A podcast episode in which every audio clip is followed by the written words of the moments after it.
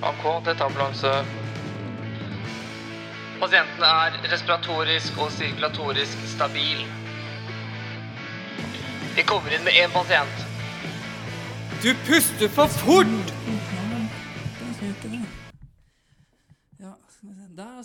I forrige episode snakka vi med hei, Lars. Olav Fjose. Lars Olav Fjose til da. Hei. Hyggelig at du ville ta deg tid. Jo, det er bare hyggelig det å kunne snakke om et viktig tema. Han er luftambulanselege og mener vi kan bli mye bedre på smertelindring prehospitalt. I forrige episode snakka vi mye om fentanyl. Dette er del to av Optimal smertelindring med Lars Olav Fjose. Kan jeg sette meg Vær så god, bare sett deg her, du.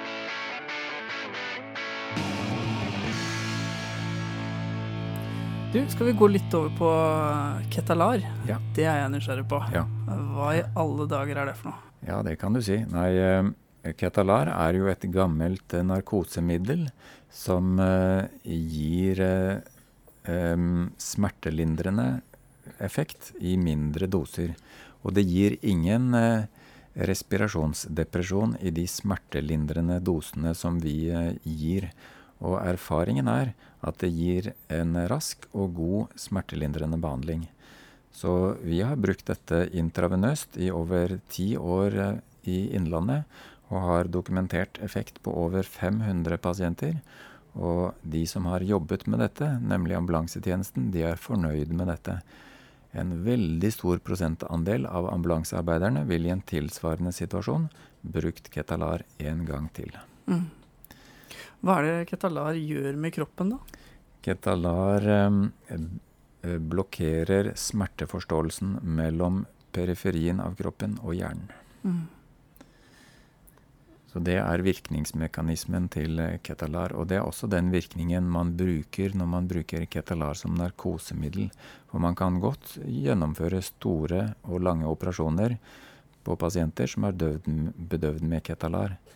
Det er, det er velprøvd gjennom mange, mange år. Mm. Ketalar har jo noen uheldige bivirkninger, som f.eks. Eh, eh, psykisk eh, ubehag eller eh, hallusinasjoner. Men erfaringen og forskning viser at hvis man gir Ketalar sakte, så er det mye mindre risiko for å gi pasienten bivirkninger. Så der har jo de som bruker Ketalar et ansvar for å være litt tålmodige og gi pasientene sine Ketalaren sakte. For Ketalaren den, den fungerer veldig fort. Den virker fort, ja. Den Mm. funker fort. Ehm, og hvor Når du sier sakte, hva mener du da? Nei, det er i løpet av uh, to minutter, kanskje. To minutter? Ja. Og det skal noe til at man uh, i realiteten klarer å gi et medikament over to minutter. Det, det um, tror jeg nok egentlig ikke blir gjennomført i praksis så fryktelig ofte. Men hvis man gjør det, så er det mye mindre sjanse for å få hallusinasjoner til de pasientene som får Ketalar. Mm. Men forskning viser også at eh, pasientene foretrekker faktisk å bli smertelindret med Ketalar fremfor å ikke bli smertelindret. Sånn at hvis pasienten er informert om at de kan få uh, hallusinasjoner eller noen synsforstyrrelser eller f eh, forskjellige bivirkninger, psykiske som sådan, så foretrekker de det fremfor å eh, ikke bli smertelindret. Mm. Eh, la oss gå litt tilbake hvordan uh, Ketalaren funker. Hva er målor måleorganet til Ketalan? Det er hjernen. Det er hjernen. Ja, sånn at dette er et stoff som eh, virker i sentralnervesystemet. Dere har ganske gode prosedyrer på når dere skal gi, og når dere ikke skal gi. Når eh, er det man ikke får lov til å gi Ketalar? Man får ikke lov å gi Ketalar intravenøst eller intranasalt til medisinske tilstander. Eh, vi skal bruke Ketalar i forbindelse med forflytning, i forbindelse med frigjøring, i forbindelse med reponeringer av, av eh, traumatiske skader, ikke til medisinske tilstander. Mm. Jeg vet at man har brukt eh, Ketalar i forbindelse med forflytning av pasienter med veldige ryggsmerter. Og det har jo for så vidt fungert greit. Det er jo ikke helt innenfor våre prosedyrer. Men eh, vi har nå valgt å se mellom fingrene på det, da. Fordi at eh, livet prehospitalt, som jeg sa i sted, det er vanskeligere enn det det er intrahospitalt. Mm. Man har ikke alltid så mye å hjelpe seg med ute. Og man må bare løse en oppgave ute. Så da har ambulansearbeiderne gjort dette på en god måte, egentlig. Eh, og så det her med Dersom pasienten er hypertensiv, eh, skal dere ikke gi. Hvorfor det? Det er bekymringer rundt det at man kan bidra til eh, å øke blodtrykket. Men eh, den bekymringen er nok egentlig litt eh, overdrevet. For eh, eh, pasientene kan utmerket godt ha et høyt blodtrykk fordi at de har mye smerter. Så sånn sett så vil jo Ketalar virke mot eh, dette høye blodtrykket hvis man smertelindrer godt. Så den, eh, den bekymringen for eh, pasienter med hypertensjon, den, eh, den kan ofte være ubegrunnet. Mm. Men det er riktig det at, at Ketalar kan gi noe blodtrykksøkning. Men f.eks. til pasienter med hodeskader så kan vi godt bruke Ketalar som et innledningsmiddel til narkose, fordi det gir mindre blodtrykksfall, og det er hodeskadepasientene tjent med. Mm. Sånn at uh, Ketalar brukes uh, også til hodeskadepasienter med, med for høyt uh, trykk. Eventuelt um, til andre hodeskadepasienter som man er redd for skal få for mye blodtrykksfall i forbindelse med innledning av narkose. Men da bruker vi andre doser enn når vi gir um, Ketalar som smertestillende medisin.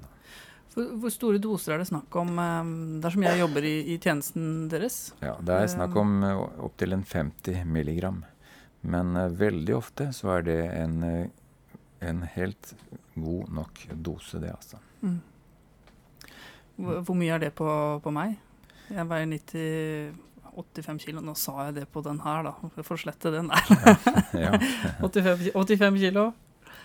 Er, det, er det nok til meg som har brekt eh, leggen? det, det eh, ser vi at uh, det kan av og til være litt i det minste laget, faktisk. Mm. Sånn at uh, vi har flere ganger kombinert morfin og Ketalar, og det har fungert helt utmerket. Sånn at uh, i de 500 tilfellene som har fått, uh, over det, i Sykehuset Innlandet som har fått Ketalar, så er det mange som har fått morfin samtidig. Og det har fungert helt fint. Sånn at eh, en dose på 50 mg Ketalar til deg med et ordentlig vondt brudd, det kan være litt for lite, men da kan vi kombinere det med morfin f.eks., og da kan effekten bli god. Samtidig som vi også til sunne og friske folk gir midazolam intravenøst i tillegg til dette. Så alt i alt så kan dette gi et uh, veldig godt tilbud. Altså. Eh, og midasolamen, er det også pga. å hindre disse psyko... altså disse riktig. bivirkningene her? Ja. De pasientene som er stabile, eh, de får midazolam intravenøst i kombinasjon med Ketalar. Mm. Og, eh, og det har eh, ofte god effekt Mm. på hallusinasjonene. Men det som har best effekt når det gjelder Ketalar, det er at man gir det sakte. Går det utover noe i forhold til amnesien, hukommelsestap? Nei, det det- gjør det ikke. Det er klart uh, En liten dose midazolam kan bidra til uh, amnesi, men uh, det, noe, det, har ikke, det har ikke noe å si i praksis, egentlig. Mhm. I våre prosedyrer så er midazolamdosen såpass liten at det bidrar ikke noe til en alvorlig amnesi etterpå. Nei. Det gjør det ikke. Hva er sånn klinisk, da? Hva er det optimale når jeg skal reponere en, eh, en legg? Hvordan eh, ser pasienten ut når den er optimalt smertelindret? Da, da lar pasienten deg reponere frakturen uten at den eh, hyler og skriker. Mm. Og det oppnår vi gang på gang, altså, når vi bruker Ketalar. Så sånn sett så er det grunn til å være fornøyd med det. Får man til det med em, morfin og cesolid? Det kan man få til, men eh, du skal eh, bruke nokså lang tid. Så det er alltid et dosespørsmål. Så du vil kunne få gjort alt i en bedøvelse med morfin, men, eh, men det går mye saktere enn det man tror, faktisk. Og ofte så må man gå ut over vanlige doser hvis man skal gi en eh, morfindose som tilsvarer den analgetiske effekten som er nødvendig for å reponere et, et vondt brudd. Mm. Så veldig ofte så kommer man ikke i målet øh, med bare morfin alene. Hvis jeg spør øh, skal si 100 anestesileger um, Alle har brekt ankelen sin. Hva er det de ønsker av den optimale smertelindringen, tror du? Da kan du velge fra hele veska di. Ja, da tror jeg de vil ha intravenøs fentanyl. Intravenøs fentanyl, ja. Ja. Det tror jeg. Ikke Ketalar i det hele tatt. Nei. Det, det er fordi at det gir en del eh, psykiske bivirkninger. Og fentanyl gir ikke det, og det er et veldig potent eh, medikament. Sånn at hvis eh, anestesileger får lov til å velge selv, så vil de ha foretrukket at anestesipersonell hadde gitt dem fentanyl intravenøst. Og så er det noe som heter ekstamin. Ja. Er det riktig? Esketamin, ja, det er Eksketamin. isomeren til eh, vanlig ketamin, eller ketalar, som eh, man også kan bruke, og som man bruker i større og større grad. Fordi det sies, iallfall fra produsenten, at det gir litt mindre psykiske bivirkninger.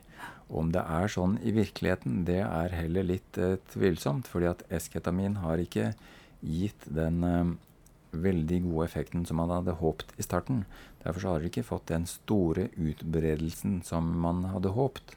Men eh, det kan nok ha noe mindre psykiske bivirkninger sammenlignet med vanlig ketalar.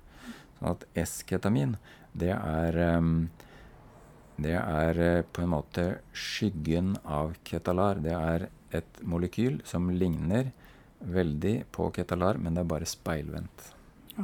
Og man mener da at det skal gi litt mindre psykiske bivirkninger. Finnes det noe motgift mot overdosering? Har du det på sykehuset? Det finnes Ketalar? ikke noe motgift mot eh, ketalar overdosering. Da må man bare la virkningen eh, gå ut. Eventuelt så kan man jo sedere med f.eks. propofol. Eh, Men det er jo ikke et medikament som man har tilgjengelig i vanlig ambulansetjeneste. Men i luftambulansen og inne på sykehus så kombinerer vi ofte propofol og ketalar. For det gir ofte en veldig effektiv eh, bedøvelse. Mm. Så man kan eh, gjøre reponeringer eller eh, andre prosedyrer på. Jeg tenker vi kan begynne å avslutte. Um, skal vi bare oppsummere litt? Ehm, godt altså, i forhold til klinikken. God smertelindring. Kan du gjenta hva du sa der? Ja, da mener jeg at uh, vi må em, vi må først eh, vurdere om eh, pasienten har smerter, og da må vi bruke validerte smertegraderingsskjema. Så må vi smertelindre pasientene før transport, fordi det lønner seg både for eh, pasienten og for ambulansen og også for sykehuset. Og så må vi evaluere alltid effekten av medikamentet og se om vi skal gi mer under transport videre inn til sykehus. En annen ting er at eh, vi må av og til kombinere flere medikamenter for å komme til målet. Og her i um, Innlandet så bruker dere altså, som vi har snakka om, Ketalar og Fentanyl. Ja. Fordelen med Ketalar og ulempene med Ketalar. Fordelen med Ketalar er at pasientene blir godt smertelindret, og de blir raskt smertelindret. Ulempene er at de ehm, kan få ubehagelige psykiske bivirkninger. Som eneste negative Som egentlig eneste alvorlige bivirkning i de dosene som man bruker til eh, Ketalar som smertelindrende medikament.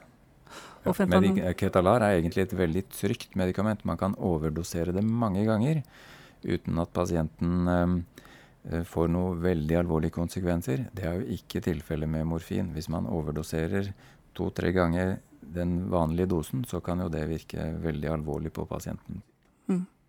Og kombinasjonen av eh, fentanyl, som er et opioid, der er fordelene? Fordelene med det er at eh, man eh, kan eh, kombinere to medikamenter, sånn som vi gjør på vår kvalitetsstudie med Ketalar og Fentanyl. Da får man en addisjon av effekten, dvs. Si at man får sterkere effekt, men man får mindre bivirkninger av de to medikamentene hvis man hadde doblet dosen. Har dere noen andre ting som kan gagne pasientene i fremtiden her i Innlandet? Ja, det, vi har eh, to forskjellige prosjekter som vi ser på der. Det første er at vi ønsker å kunne ha kommunikasjonsverktøy som er bedre inn i ambulansen. Dvs. Si at vi AMK-legen, eventuelt lege på luftambulansen eller andre eh, som er inne på sykehus, ønsker å få sett pasientene tidligere. Fordi at man ønsker å kunne tilby mer avansert behandling tidligere. Pasientene er tjent med det. Eh, det er det ene. Så uh, har vi også tanker om at vi ønsker å starte med metoxifluran, som er en anestesigass som virker godt smertelindrende.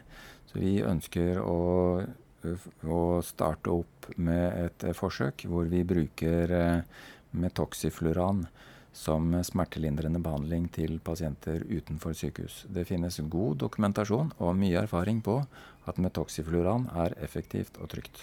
Er vi på lystgassiden da, eller? Det er ikke på lystgassiden, men vi er på an, eh, vanlig anestesigassiden. Mm. Utrolig spennende. Ja da. Og dette mm, er det grunn til å ha forventninger til. Fordi eh, det er veldig lett å bruke det på pasienten. De bare puster inn denne gassen og blir litt bedøvet av den. Og så kan man eh, f.eks. For forflytte pasienten fra senga eller gulvet og over på ei båre uten at det er så mye smerter. Og, og erfaringen fra andre land er at dette er et trygt eh, medikament. Mm. Mm. Hva slags erfaringer har de i ambulansetjenesten med bruken av disse medikamentene? Nei, Erfaringen er nok i hovedsak eh, god, eh, og veldig god. Ambulansen er veldig fornøyd med å kunne tilby kombinasjonen av Ketalar og fentanyl intranasalt til barn med skader, fordi dette er et nytt tilbud hvor eh, ambulansearbeiderne kan tilby et, et, eh, et godt alternativ sammenlignet eh, med tidligere. Så de er i, all, i, all, hovedsak veldig fornøyd med, det, med, den blandingen. Det ser vi fra de rapportene som vi skal lage en forskningsartikkel av. vi ser også av disse skjemaene som ambulansearbeiderne skriver inn i forbindelse med bruk av Ketalar, at de i all hovedsak er veldig fornøyd med å kunne tilby Ketalar til sine pasienter. Sånn at de aller, aller fleste av ambulansearbeiderne i Sykehuset Innlandet de ønsker å gi Ketalar i et tilsvarende tilfelle senere. Mm. Og vi har jo gitt uh, ambulansearbeiderne i Innlandet et større ansvar i forbindelse med at de bruker veldig potente medikamenter til barn og til voksne. Men dette ansvaret har de brukt på en veldig god måte. Mm. Så dette kan andre helseledere ta lærdom av og gi større ansvar til ambulansearbeiderne, for det har pasientene nytte av. Mm. Virkelig. Uh, jeg tenkte jeg skulle spørre deg siste spørsmålet. Uh, noe jeg spør alle, er, eller de fleste som er med i denne podkasten det er eh, Du er jo luftambulanselege og møter mange ambulansearbeidere. Hva syns du gjør en ambulansearbeider eller paramedic god når du møter han ute? Nei, jeg må jo si at jeg er veld, ofte veldig imponert over nivået eh, og innsatsen til eh, de som jeg møter. Jeg synes de gir et veldig godt inntrykk, sånn menneskelig, og de gir også et veldig solid inntrykk faglig. Sånn at uh, man kan være trygg på at man får god behandling i all hovedsak i Norge. For dette er dedikerte og flinke folk, da. Men det er klart jeg kunne ønske meg at eh, langt flere fikk eh, trinn tre-utdanning. Dvs. Si at de kan bruke de mest avanserte metodene. Og egentlig så burde det jo være sånn at man skal helst bare ansette personell som er trinn tre. Det bør egentlig være en ambisjon for eh, for alle ambulansetjenester fremover. For det er ikke greit at eh, én pasient får eh, den beste behandlingen som er mulig, mens en annen tilfeldigvis ikke får det. Fordi at det tilfeldigvis er en ambulansearbeider som ikke har den nødvendige utdanningen. Det er ikke greit for pasienten, og da skal det ikke være greit for oss heller. Og nå håper vi da det skjer mye i Ambulanse-Norge nå, både med utdanning, eh, sertifiseringer Ja. rundt om på sykehusene, Ja. Eh, interne opplæringer. Ja. Så håper vi at i fremtiden at alle pasienter i hele Norge kanskje får lik, eh, lik behandling også, uansett hvor du er. Det, det hadde jo vært veldig fint. Det er klart det tar tid å utdanne mange. eh, Men det burde absolutt være et mål at man får høyere kompetanse. Og i, veldig ofte så møter man jo ambulansearbeidere med veldig høy kompetanse, og som er ordentlig dedikerte fagfolk, og som er veldig engasjert i jobben sin. Mm. Det syns jeg kjennetegner norske ambulansearbeidere. Du, Lars Olav, hjertelig takk for at du ville komme og prate. At du tok deg tid, at jeg fikk lov til å komme på kontoret ditt og prate eh, om det her. Dette var eh, lærerikt og veldig spennende. Ja, Bare hyggelig.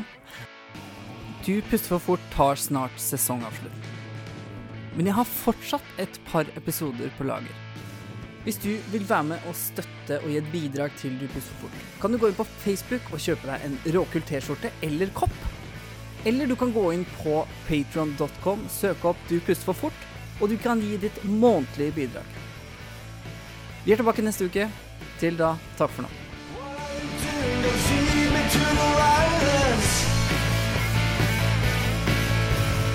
You can't control me, you move with waste, makes me sick.